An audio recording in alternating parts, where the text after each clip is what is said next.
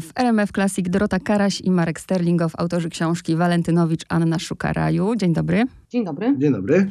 Nowa biografia Anny Walentynowicz, ale właściwie to nie tylko nowa, dodam też od siebie, że naprawdę doskonała. Nie mogłam się oderwać, więc bardzo, bardzo dziękuję za tę przyjemność czytania. Bardzo nam miło. No i teraz pomyślałam, że wasza praca była ogromna. Tytaniczna praca to jedno, ale sprzyjało wam też chyba szczęście, bo mam na myśli dotarcie do archiwalnych nagrań. Tak, to prawda, to prawda, że nagrania pani Janiny Jankowskiej, które zrobiła w latach 80.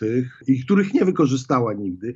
Janina Jankowska, znana radiowa dziennikarka z lat e, już nawet 70., ale i 80. e, Współpracowała wtedy z opozycją de- demokratyczną i, i ta jej rozmowa, którą nagrała trochę do puszki, jak to mówicie chyba w radiu, czyli z myślą o tym, że kiedyś zrobi jakiś fajny reportaż i jak to wtedy było w latach, e, w latach 80. podziemie często robiło takie nagrania na kasety i to był taki, taki drugi obieg radiowy. Ale te nagrania nie zostały nigdy wykorzystane i pani Janina Jankowska, z którą mieliśmy okazję porozmawiać, po prostu położyła je na stole, trzy 90-minutowe kasety i powiedziała, może wam się do czegoś przydadzą i tam była taka rozmowa dwóch zn- znających się dobrze kobiet, bardzo luźna, bardzo otwarta. Walentynowicz może nie była znakomitą mówczynią, jeśli chodzi o wiece, ale jeśli chodzi o takie pogaduszki, to była po prostu niezwykle plastyczna z tej jej, opowieści. Przyszłam tu, a on powiedział tamto, a wtedy spotkałam tego i on tak, a ja mu na to tak. To ona po, z, ciągu, z trzech minut można było zrobić dwa rozdziały. Ja tylko y, dodam do tego szczęścia, że my, myśmy sobie w trakcie pracy kilka razy powtarzali, że mieliśmy szczęście, bo udało nam się coś odnaleźć, trafić na jakieś ciekawe rzeczy, na jakieś wątki, które wcześniej y, nie były y, opisywane, ale potem doszłam do wniosku, że szczęście to jedno, a dwa to jest jednak taka no, ogromna praca, którą wykonaliśmy. To znaczy, gdybyśmy nie dotarli do tych wszystkich osób, do których y, docieraliśmy, y, gdybyśmy nie mieli tych y, kilkudziesięciu, prawie stu rozmówców, to pewnie tego szczęścia by zabrakło. No to jest po prostu też efekt tego, tych naszych wszystkich zabiegów, dopytywania, zbierania historii, sprawdzania nieoczywistych wątków. No nasze doświadczenie dziennikarskie to praca dla gazet codziennych i w gazetach codziennych prawie nigdy nie ma możliwości, żeby tak prawdę mówiąc dobrze zbadać jakiś temat i go dokończyć. No takie jest życie, tak jest tak samo podejrzewam we wszystkich mediach. Działają na czas, nie? Trzeba na określoną godzinę zrobić y, informację i koniec. A tym razem mieliśmy aż trzy lata i my te, przez, przez te trzy lata zupełnie inaczej nam się udało lepiej temat zgłębić, bo jeżeli jednego dnia ktoś nam powiedział, że nie może albo nie chce rozmawiać, no to my namawialiśmy tą osobę jeszcze trzy miesiące i się w końcu zgodziła. Tak było między innymi z Januszem Walentynowiczem, synem Anny Walentynowicz, który był bardzo sceptyczny co do e, rozmowy e, z nami na początku i tak nie bardzo wiedział, czy, czy, czy chce i co może mówić. A potem zostaliśmy no, praktycznie przyjaciółmi, mimo takich powiedzmy pewnych nawet i światopoglądowych różnic, to z Januszem, z Januszem nie z wnukiem, tylko z synem Anny Mhm. Walentynowicz, złapaliśmy znakomity kontakt, on nam się, no ja nie wiem, ja go bardzo polubiłem, E, nie jest człowiekiem, który odcina od czegokolwiek kupony, właśnie przeszedł na emeryturę, do końca życia pracował jako robotnik na dźwigu. Wróćmy teraz do tego momentu, te trzy lata, czy ileś wcześniej, bo premiera tej książki była w marcu. Teraz y, ja akurat wypuszczam ten wywiad przy okazji 40-lecia wydarzeń sierpniowych, 91. rocznicy urodzin Anny Walentynowicz, która była 15 sierpnia. Ale chodzi mi też właśnie o ten sam początek, czyli od razu mieliście pomysł, żeby pisać to razem i kiedy była, by, była ta pierwsza myśl? Czy to już było wiadomo, że to właśnie na 40-lecie wydarzeń będzie wydane? Początek pracy był taki, że to mi wydawnictwo Znak y, y, zaproponowało kolejny temat książki. Ja wcześniej napisałam biografię Zbigniewa Cybulskiego, dosyć długo się zastanawiałam, kto mógł być bohaterem. Y, W pewnym momencie napisałam taki tekst do, do Gazety Wyborczej o ukraińskich korzeniach Anny Walentynowicz. To było y, odkrycie historyka profesora Igora Hałagidy, którym no, nikt wcześniej o tym nie wiedział, tak, że Anna Walentynowicz ukrywała swoje pochodzenie. Sprawa wydała mi się fascynująca i pomyślałam sobie wtedy, że, że Walentynowicz jest ciekawą bohaterką biografii, taką nieoczywistą, związaną z, z historią Polski, z historią polskiego sierpnia, bo raz, że kobieta, dwa, że no jakby gazeta, w której pracuje zawsze jakby no, kojarzy się z tym, że Walentynowicz nie lubiła Gazety Wyborczej, tak? I, i z tego powodu była dla mnie taką nieoczywistą y, y, bohaterką.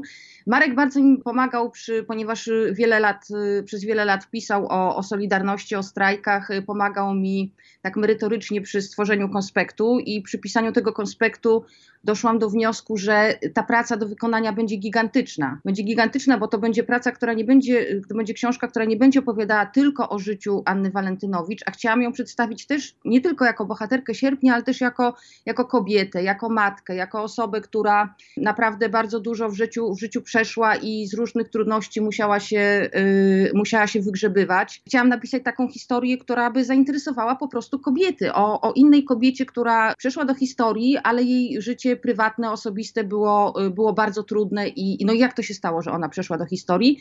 I w trakcie pracy nad tym, nad tym konspektem, yy, wymyślania, jak ta książka będzie wyglądała, o czym będzie opowiadać, stwierdziłam, że no idealnie byłoby podzielić się pracą i to był, to był bardzo dobry pomysł, bo rzeczywiście my przez te trzy lata nie nudziliśmy się i naprawdę nie było dnia, w którym byśmy nie rozmawiali o, o naszej bohaterce i o temacie książki. Jako dziennikarza taka, ta książka, ta tematyka może niekoniecznie nawet Walentynowicz, e, była takim spełnieniem e, zawodowym też trochę i życiowym, bo e, ja się wychowałem dosłownie kilkaset metrów od domu Anny Walentynowicz, też kilka kilometrów od stoczni i gdy miałem 16 lat, to zobaczyłem te strajki po raz pierwszy i wtedy oczywiście ani nie wszystko rozumiałem, ani nie bardzo wiedziałem, co tam się działo, bo wiele rzeczy nie tylko dla nastolatków, ale i dla dorosłych może były wtedy niezrozumiałe.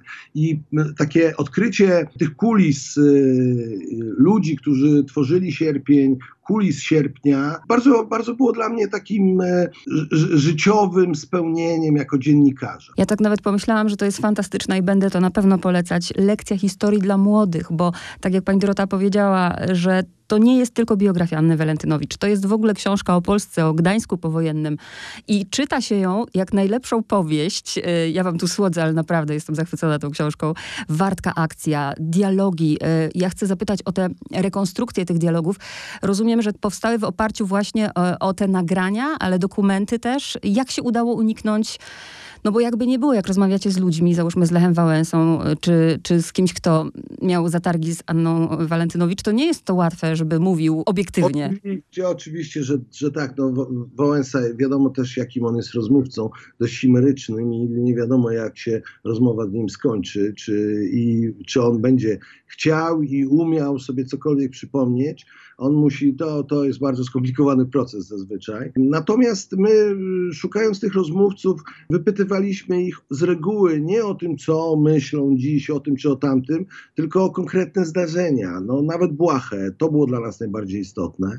Chcieliśmy mieć, e, jak pani słusznie i bardzo się cieszymy z tego powodu, zauważyła, opowieść e, o ludziach, o, o tamtym czasie, o Annie Walentynowicz, stworzyć e, obraz kobiety, nie tylko jako jakiejś takiej spiżowej działaczki politycznej, ale przede wszystkim jako, nie wiem, porzuconej kochanki, bo taką też była. Mhm. Kobiety, która przeżywa przedwczesną śmierć męża, która samotnie wychowuje dziecko, E, i która musi podjąć decyzję, czy zastanawia się nad decyzją aborcji. E, kobiety, która musi zarobić na tą całą swoją rodzinę, jest samotna i dać sobie z tym wszystkim radę.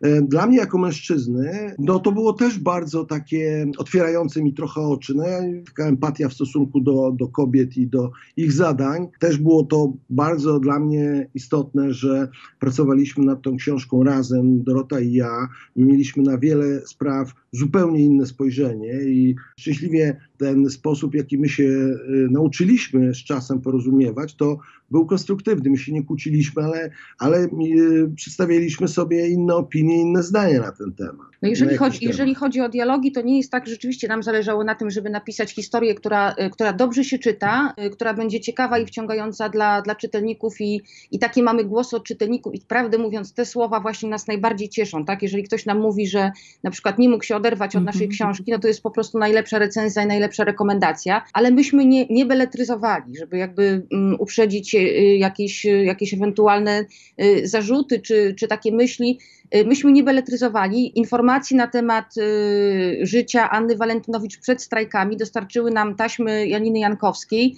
i tak jak y, Marek mówił, Walentynowicz świetnie opowiadała o sobie. Tak? I ona mówiła pełnymi dialogami. Na przykład scenę rozstania z ojcem swojego dziecka opowiedziała po, dosłownie w kwestii dialogowej. Myśmy jak to, scenę filmu. Jak scenę filmu, tak?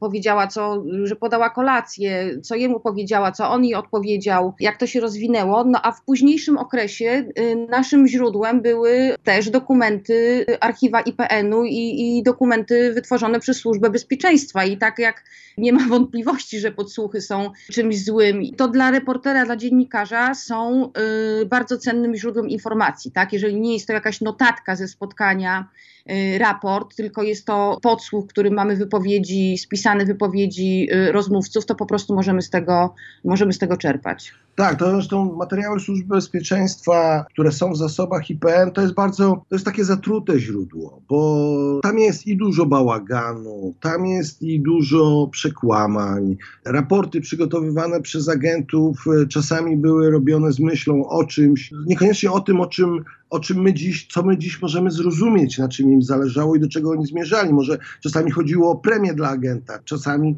chodziło o wykazanie jakiegoś oficera y, lepszymi działaniami.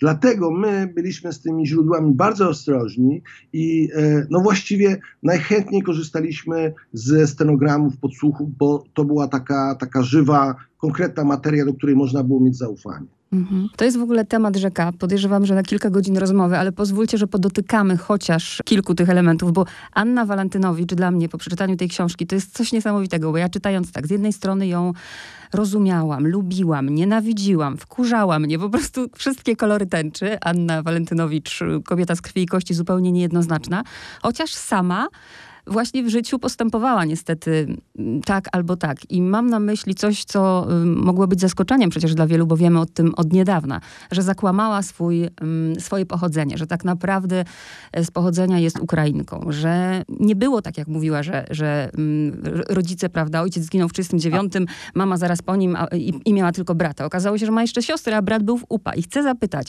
jak myślicie, czy naprawdę strach, mm, bo może faktycznie trudno się wczuć w te realia powojenne, że nie przyszło jej do głowy przez 53 lata, żeby jednak sprawdzić, zainteresować się, czy, czy, czy może przeżyli. No myśmy starali się y, właśnie zrozumieć, y, y, zrozumieć jej, jej pobudki, to dlaczego zrobiła tak, tak a nie inaczej no, wydaje mi się, że, że to jest zrozumiałe i wydaje mi się, że wytłumaczyliśmy to w książce. No, ona przyjechała do Gdańska z y, polską rodziną, y, w której była, y, w której pracowała, bardzo ciężko pracowała jako, jako służąca. Kiedy wyjechała z Wołynia, gdzie się urodziła i gdzie została jej rodzina, była w zasadzie przekonana i były wszystkie przesłanki do, ku temu, żeby, żeby w to wierzyć, że wszyscy jej bliscy zginęli. Bo w tej wsi, w której ona się urodziła i wychowała, rzeczywiście Niemcy rozstrzelali większość mieszkańców. Jej rodzina, jej bliscy przetrwali tylko dlatego, że uciekli do lasu i spędzili zimę z 43 na 44 rok w lesie i tam doczekali wejścia armii Y, Armii Czerwonej, więc ona znalazła się w Gdańsku z takim poczuciem, że nikogo nie ma. Nastroje wobec Ukraińców w tamtym czasie powojennym były, nie były dobre, tak? To, to, to mm, nie ulega wątpliwości. Wciąż była żywa mm, pamięć rzezi wołyńskiej, y, gazety donosiły w tamtym czasie jeszcze o, o, o zbrodniach, y, które się dokonały na, na tamtych y, ziemiach, na tamtych terenach. Ona być może też pod wpływem gospodarzy, tych ludzi, u których, u których pracowała jako służąca, którzy straszyli ją, że mówili jej, że jeżeli przyznasz się, że jesteś Ukrainką, to, to coś złego może ci, może cię spotkać, zdecydowała się po prostu odciąć się od swojej przeszłości i przyjąć zupełnie inną, znaczy zupełnie inną, no polską tożsamość. Ona też, trzeba pamiętać, była 13-letnim dzieckiem, gdy trafiła do tej polskiej rodziny i ta asymilacja, jej ta zmiana jej, y, czy budowanie tej, tej nowej tożsamości następowało niejako automatycznie z czasem. I ja myślę, że dla niej to były takie barwy ochronne. Zdawa, zdawała sobie sprawę z tego, że bycie innym, bycie tym Ukraińcem wśród y, Polaków niekoniecznie jest bezpieczne zawsze. I ona trochę chyba w to uwierzyła w pewnym momencie sama. Przez długi czas zresztą była przekonana, że nikt nigdy do tego nie dojdzie. Z drugiej strony jest to też taka ciekawostka, która pokazuje, że każdy ma jakąś tajemnicę, każdy ma coś, o czym niekoniecznie ze słusznych bądź nie powodów chce opowiedzieć innym. Nawet taka kryształowa i osoba, która słynęła z takiego mówienia tego, co myśli. Słusznie bądź nie, ale ona zawsze wykładała kawę na ławę i się tego nie bała. Miała taką opinię osoby bardzo prawdomównej. I nawet taka osoba też ma prawo, ma prawo, ja uważam, no, ma pewne prawo i to może być zrozumiałe, do pewnych tajemnic. Nie, nie, nie każdy chce o wszystkim mówić. To dotyczy nie tylko Anny Walentynowicz, ale też wszystkich wielu innych bohaterów i ludzi, no, którzy żyją wokół nas. Mhm. nas. Ta hardość charakteru, ta taka upartość, bo przecież to też podkreślmy, że do Teleśnickich trafia, bo siostra nie daje rady, a ona tam idzie, bo po prostu nie chce być głodna. To też pokazuje, że zawsze jakby umiała zadbać o swoje. Tak, ona była twardzielką i uważała, że, że e, należy walczyć o swoje. Ja myślę, że to jest takie dobre przesłanie, bo e, na Walentynowicz e, e należy patrzeć e, nie tylko poprzez pryzmat tego, o co walczyła, ale jak walczyła. Mhm. Czasami można się nie zgadzać z tym, zmieniają się czasy, zmieniają się wyzwania. E, dziś stoimy przed zupełnie innymi, można powiedzieć, potyczkami w społeczeństwie, problemami. Kiedyś może ważniejsze było to, jakie jest zaopatrzenie w sklepie, a dziś ważniejsze są inne sprawy. Czy ktoś ma prawo do tego, żeby mówić o swojej orientacji seksualnej, w jaki sposób, jakie prawa ma, mając inną orientację seksualną. To są te pytania, które dziś sobie zadajemy. Pokazując też ten Gdańsk 50 roku, pokazaliście, y, doskonale to zrozumiałam. Ja na przykład nie mam ani cienia pretensji do Walentynowicz, że ona się zachłysnęła komunizmem wtedy, bo tak naprawdę po pięciu latach pracy u tych teleśnickich i właściwie próby wyrwania się y, od nich, jest zupełnie sama jak palec. Młoda dziewczyna z Ukrainy i dostaje właściwie od państwa, no bo tak można powiedzieć, to, czego nie dostała od bliskich, od, czy właśnie od tej rodziny. Dostaje pracę, dostaje wreszcie możliwość rozwoju. O. No bardzo trafnie pani to zauważyła, tak. Anna Walentynowicz powtarzała tak trochę patetycznie i, i to jest tak przyjmowane bezkrytycznie, że stocznia była jej domem, ale jak popatrzymy na jej sytuację właśnie w roku 50, kiedy ona zaczyna pracę w stoczni i tak jak pani mówi, jest, jest sama, nie ma nawet mieszkania, cudem udaje jej się y, znaleźć jakiś kąt, y, wcześniej pracuje jako, jako służąca, najpierw u Teleśnickich, potem w kolejnych domach, gdzieś u jakiejś krawcowej, u piekarza, jest pomocą domową, opiekuje się dziećmi, gotuje obiady, to dla niej znalezienie pracy w stoczni, nawet biorąc pod uwagę to, że ta praca była niezwykle wymagająca i ciężka, tak? Praca spawaczki w kadłubie, w ciemności, bez zabezpieczeń, w, wśród chemikaliów, y, iskier i tak dalej, to jednak stocznia i ten system, który, który był po wojnie, daje jej taką, taką ochronę socjalną. Ja dorastałem już w czasach, kiedy bardzo duża część społeczeństwa kwestionowała komunizm, naszą przynależność do obozu socjalistycznego i prawdę mówiąc, trudno mi było wtedy zrozumieć, no jak to się stało, że my w takim kraju żyjemy? Dlaczego moi rodzice e, się na to zgodzili? Dlaczego oni w żaden sposób nie walczyli? Oni nie walczyli, bo oni uwierzyli w ten, to, to pokolenie, nie tylko Anna Walentynowicz, ale całe to pokolenie, zmęczone wojną, właściwie i wieloma niesprawiedliwościami, e, ludzie pochodzący z niższych warstw społecznych odnaleźli w PRL-u pewną nadzieję, która, którą, która później została w roku 70 zwłaszcza, e, kiedy robotnicy zginęli na ulicach i, i, wtedy stracili zaufanie do tego państwa i dekadę później był rok 80 i strajki w całej Polsce i, i to był proces, który który na przykładzie Anny, Walentynowicz zaszedł w całym tym pokoleniu. Tak mi się wydaje. Tylko właśnie wracając do, tej, do charakteru Anny, bo e, Słuchaczom teraz podpowiadam, że są też bardzo wzruszające momenty mm, małżeństwa, prawda, które zawarła z Kazimierzem Walentynowiczem i tego, że mm, rozchorowała się i kiedy wraca po chorobie do pracy, no to okazuje się, że halo, halo, nagle nie nadajesz się na to stanowisko, to dostaniesz mniej. I ta cała jej walka, ja tak myślę, że po prostu to wynika z charakteru. Ona po prostu walczyła o swoje. Tak, tak. Zresztą każdy pracuje w jakimś miejscu pracy i widzi, jak to się często odbywa. Są wśród nas ludzie, którzy na spotkaniach e, zadają pytania kierownikom niewygodne. Są wśród nas ludzie, którzy są bardziej spolegliwi niż inni. Kobiety podobno mniej zarabiają, bo, się, bo są bardziej koncyliacyjne. Mm. Między innymi jest to jeden z powodów, dla których kobiety z reguły zarabiają mniej niż mężczyźni. Więc Anna nie była koncyliacyjna. Ona, ona umiała walczyć o swoje i uważam, że to jest dobra cecha której wszyscy powinniśmy się uczyć. To teraz trochę o Solidarności. W radiu usłyszała o Borusewiczu. W radiu, w radiu Wolna Europa, tak, tak, tak. To jest też taka nauka mm, nie wiem, czy, czy dobrze myślę, ale wydawało mi się to takie strasznie małe, bo y, Państwo oczywiście przeczytacie książkę i, i, cały ten ruch Solidarności, który się rodzi, jak to wygląda, ale tak naprawdę ta kłótnia między Wałęsą a Walentynowicz poszła chyba o małe sprawy, o zwykłe ludzkie ambicje. To prawda, bo y, y, dla, przed rokiem 80, kiedy y, opozycję w Polsce tworzyła naprawdę garstka, garstka ludzi, na wybrzeżu też była bardzo niewielka grupa. Anna Walentynowicz, można powiedzieć, przyjaźniła się z Wałęsą, była blisko niego ale ona zawsze miała większy szacunek dla, y, dla ludzi y, wykształconych, inteligentnych, y, dla gwiazdów, dla Borusewicza, dla Jacka Kuronia. To byli, byli dla niej tacy, tacy bogowie, przy których na początku, jak wspominała, nawet bała się odebra, odezwać na spotkaniach. Lech był młodszy od niej, ale był robotnikiem tak jak ona, pracującym w tym samym zakładzie pracy. W zasadzie z dosyć podobną takim przebiegiem drogi zawodowej, zwolnionym, z dziećmi. No to był taki kolega, kolega z zakładu. I po sierpniu, kiedy wszystko się zmieniło, kiedy nastąpiło ogromne przewartościowanie również jakby w, mm, w strukturach tej grupy, która spiskowała, która zorganizowała strajk, która go do, y, poprowadziła i która osiągnęła niebywały sukces, y, doprowadzając do podpisania porozumień z, y, ze stroną rządową, no to wtedy nagle się okazało, że to Lech jest na szczycie, mm. to Lech świeci tym, słoń, tym słońcem, które, które wszyscy się wpatrują i, i które wszyscy wielbią.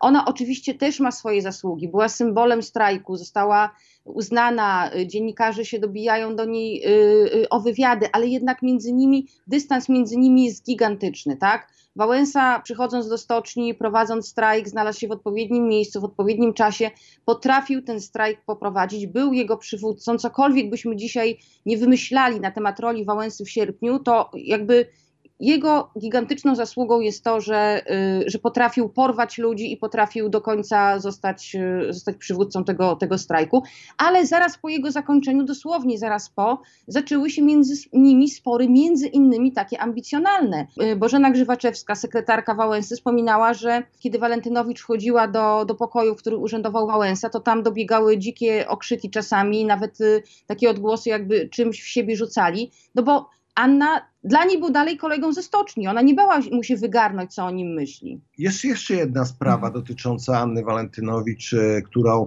którą właściwie zrozumiałem już po napisaniu książki, więc e, to nie jest tak, że, że książka powstawała z jakąś tezą. My po prostu pisaliśmy to, co nam się udało ustalić i, i tworzyliśmy, i tak poznawaliśmy człowieka. Ja to zupełnie niedawno zdałem sobie z, z tego sprawę, jak to jest możliwe, że kobieta o tak typowym życiorysie, z niezbyt, z, z niewielkim wykształceniem, typowym życiorysie, bo, bo ciężką wojnę i, i okrutną przeżyło miliony Polaków, potem miliony Polaków y, y, mieszkało w tym PRL-u, ale dlaczego akurat ona przeszła do historii? Co spowodowało, że ona trafiła na karty historii? I zacząłem o tym myśleć, bo takie pytanie ktoś mi zadał, jeden ze znajomych i zrozumiałem, że to, że ona umie iść pod prąd, że ona nie, nie poszła tak jak wszyscy za PRL-em w, w, latach 70., tylko wraz z nieliczną grupą ludzi stworzyła opozycję demokratyczną. Teraz to samo być może jest podobne z Wałęsą. W momencie, kiedy wszyscy wielbili Wałęsę, cała Polska, ona potrafiła mu się przeciwstawić. Czy miała rację, tak. czy nie, jest w gruncie rzeczy nieważne. Wartościowe jest to, że ona nie utonęła w morzu pochlebców Lecha Wałęsy wtedy. Wtedy nie było popularne atakować Lecha Wałęsy. Ona z tego powodu... Została wyrzucona, tak. Tak, wtedy z tego powodu została... No, zapłaciła też za to cenę, tak? tak. Została y, pozbawiona mandatu delegatki na pierwszy, najważniejszy zjazd, zjazd Solidarności, który był wielkim świętem tego, tego związku i, i to ją bardzo bolała. Ona, y, ona przyznawała, i to wiadomo właśnie z raportów SB, że Y, tej y, kłótnie z Wałęsą, y, komisja, która powstała w Solidarności, która miała zbadać przyczyny tej, te, te, tego konfliktu, przesłuchania, które ona miała przed tą komisją, to kosztowały ją tyle, co przesłuchania przez milicję czy SB przed rokiem 80. Było to dla niej bolesne, bo to był ten wymarzony związek, który powstał, który miał mm. Osiągnąć swój cel. A czy macie jakieś głosy, że Wałęsa przeczytał tę książkę? Bo do czego zmierzam? Do tego, że ja sama pamiętam, wyrosłam w kulcie Wałęsy.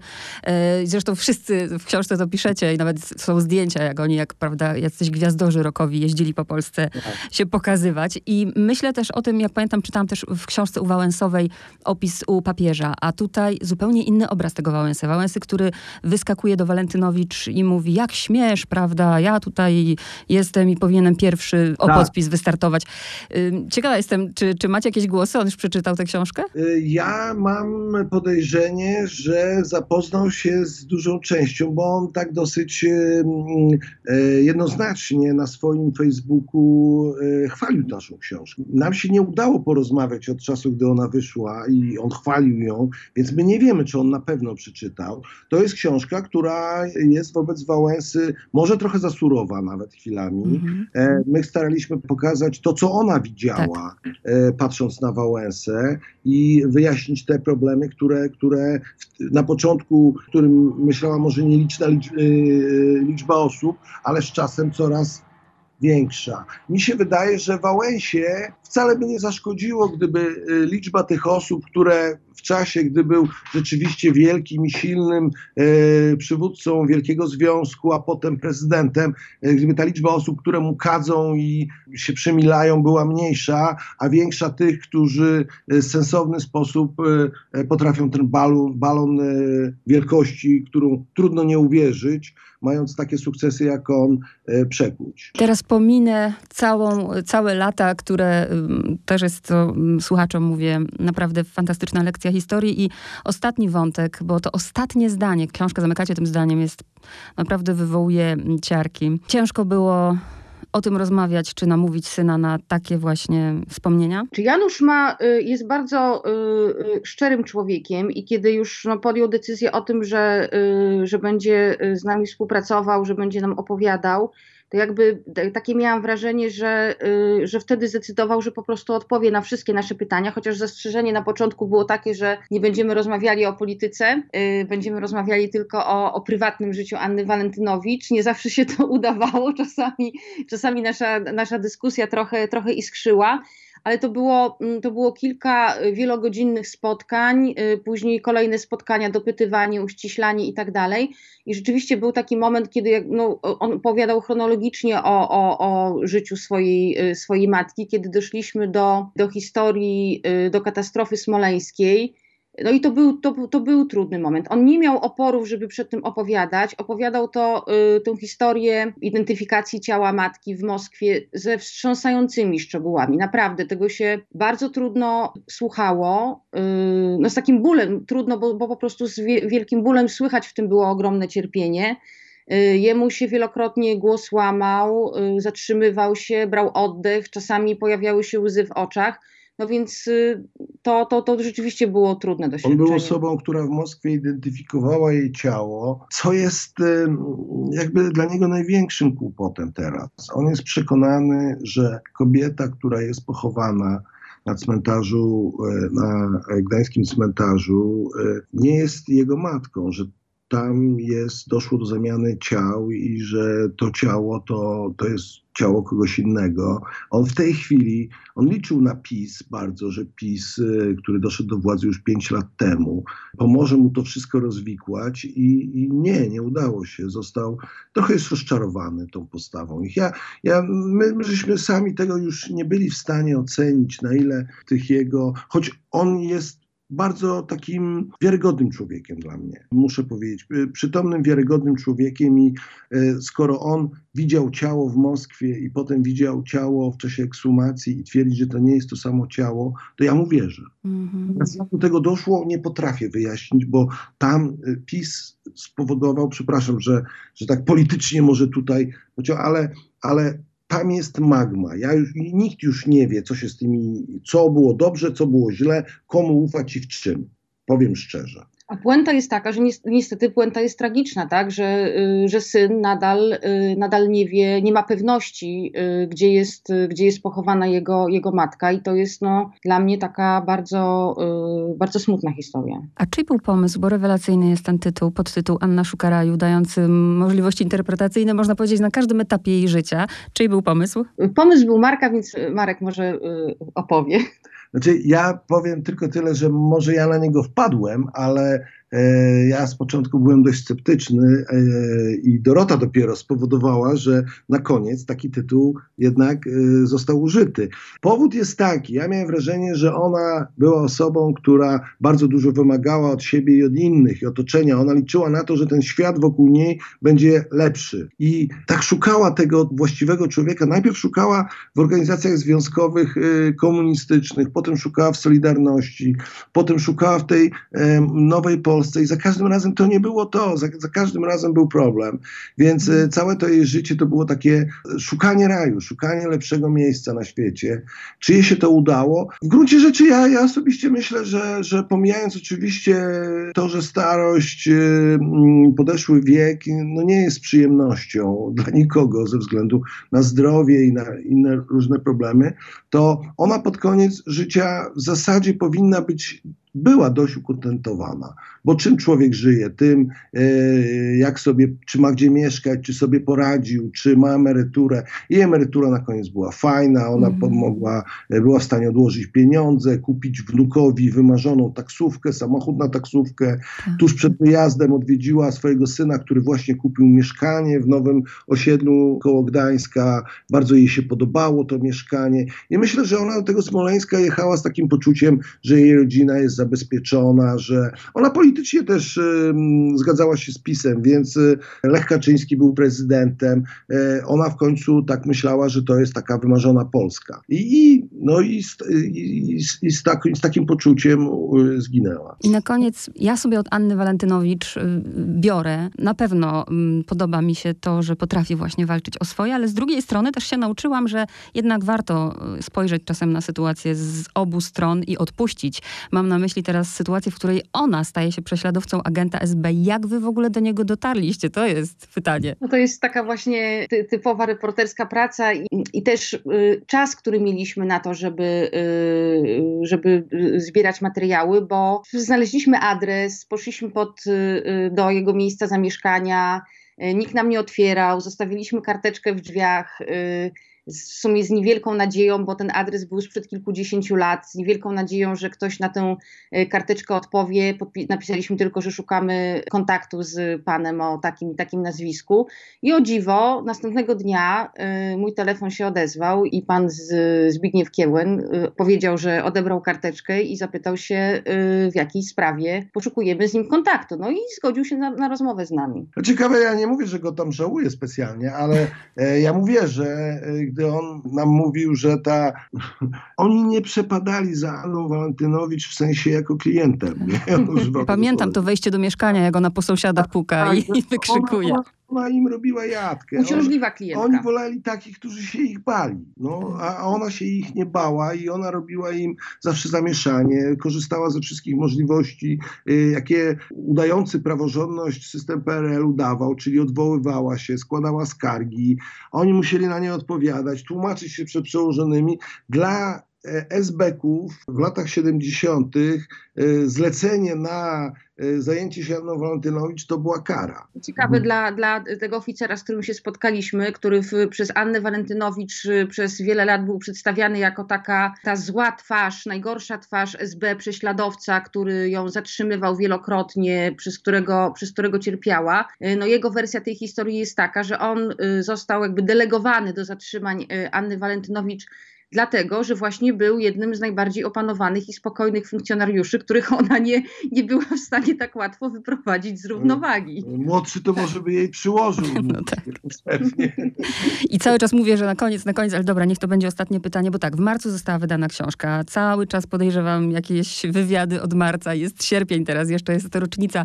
Co sobie teraz po tych miesiącach i wywiadach wszystkich, i spotkaniach, i recenzjach, co sobie mm, bierzecie dla siebie? Co dla was jest takiego najważniejszego? Bo to były przecież lata pracy.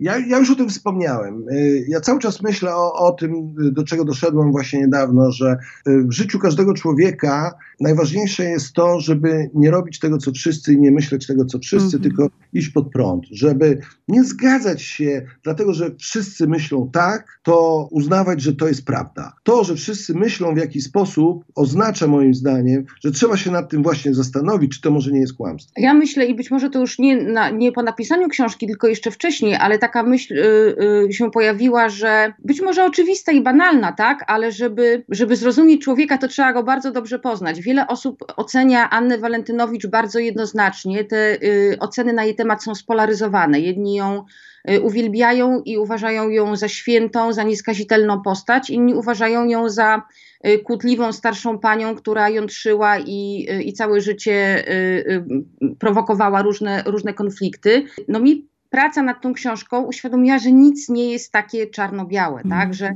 ona miała swoje powody, y, różne były przyczyny jej zachowań, jej droga życiowa też wpłynęła na, na różne jej y, decyzje i, i, i, to, i to, jak się zachowywała i no, to tyle. My chcieliśmy bardzo pogodzić e, ludzi, którzy czują jakikolwiek sentyment do Solidarności, bo prawda jest taka, ani Wałęsa, ani Walentynowicz nie istnieją bez siebie nawzajem. Dopiero razem stanowią pełną, ciekawą historię. Jeżeli ktoś e, dziś chce w czasie rocznicy sierpnia wygłosić przemówienie i nie poruszyć imienia, nie, nie, nie, nie przypomnieć sobie, że, że był Lech Wałęsa, albo nie pamiętać o Annie Walentynowicz, to robi głupotę, robi im krzywdę. Wszystkim, wszystkim nam, jako Polakom. Fantastyczne podsumowanie rozmowy. Dorota Karaś i Marek Sterlingow byli gośćmi RMF Classic. Bardzo dziękuję, to była przyjemność. Dziękujemy. Dziękuję wzajemnie.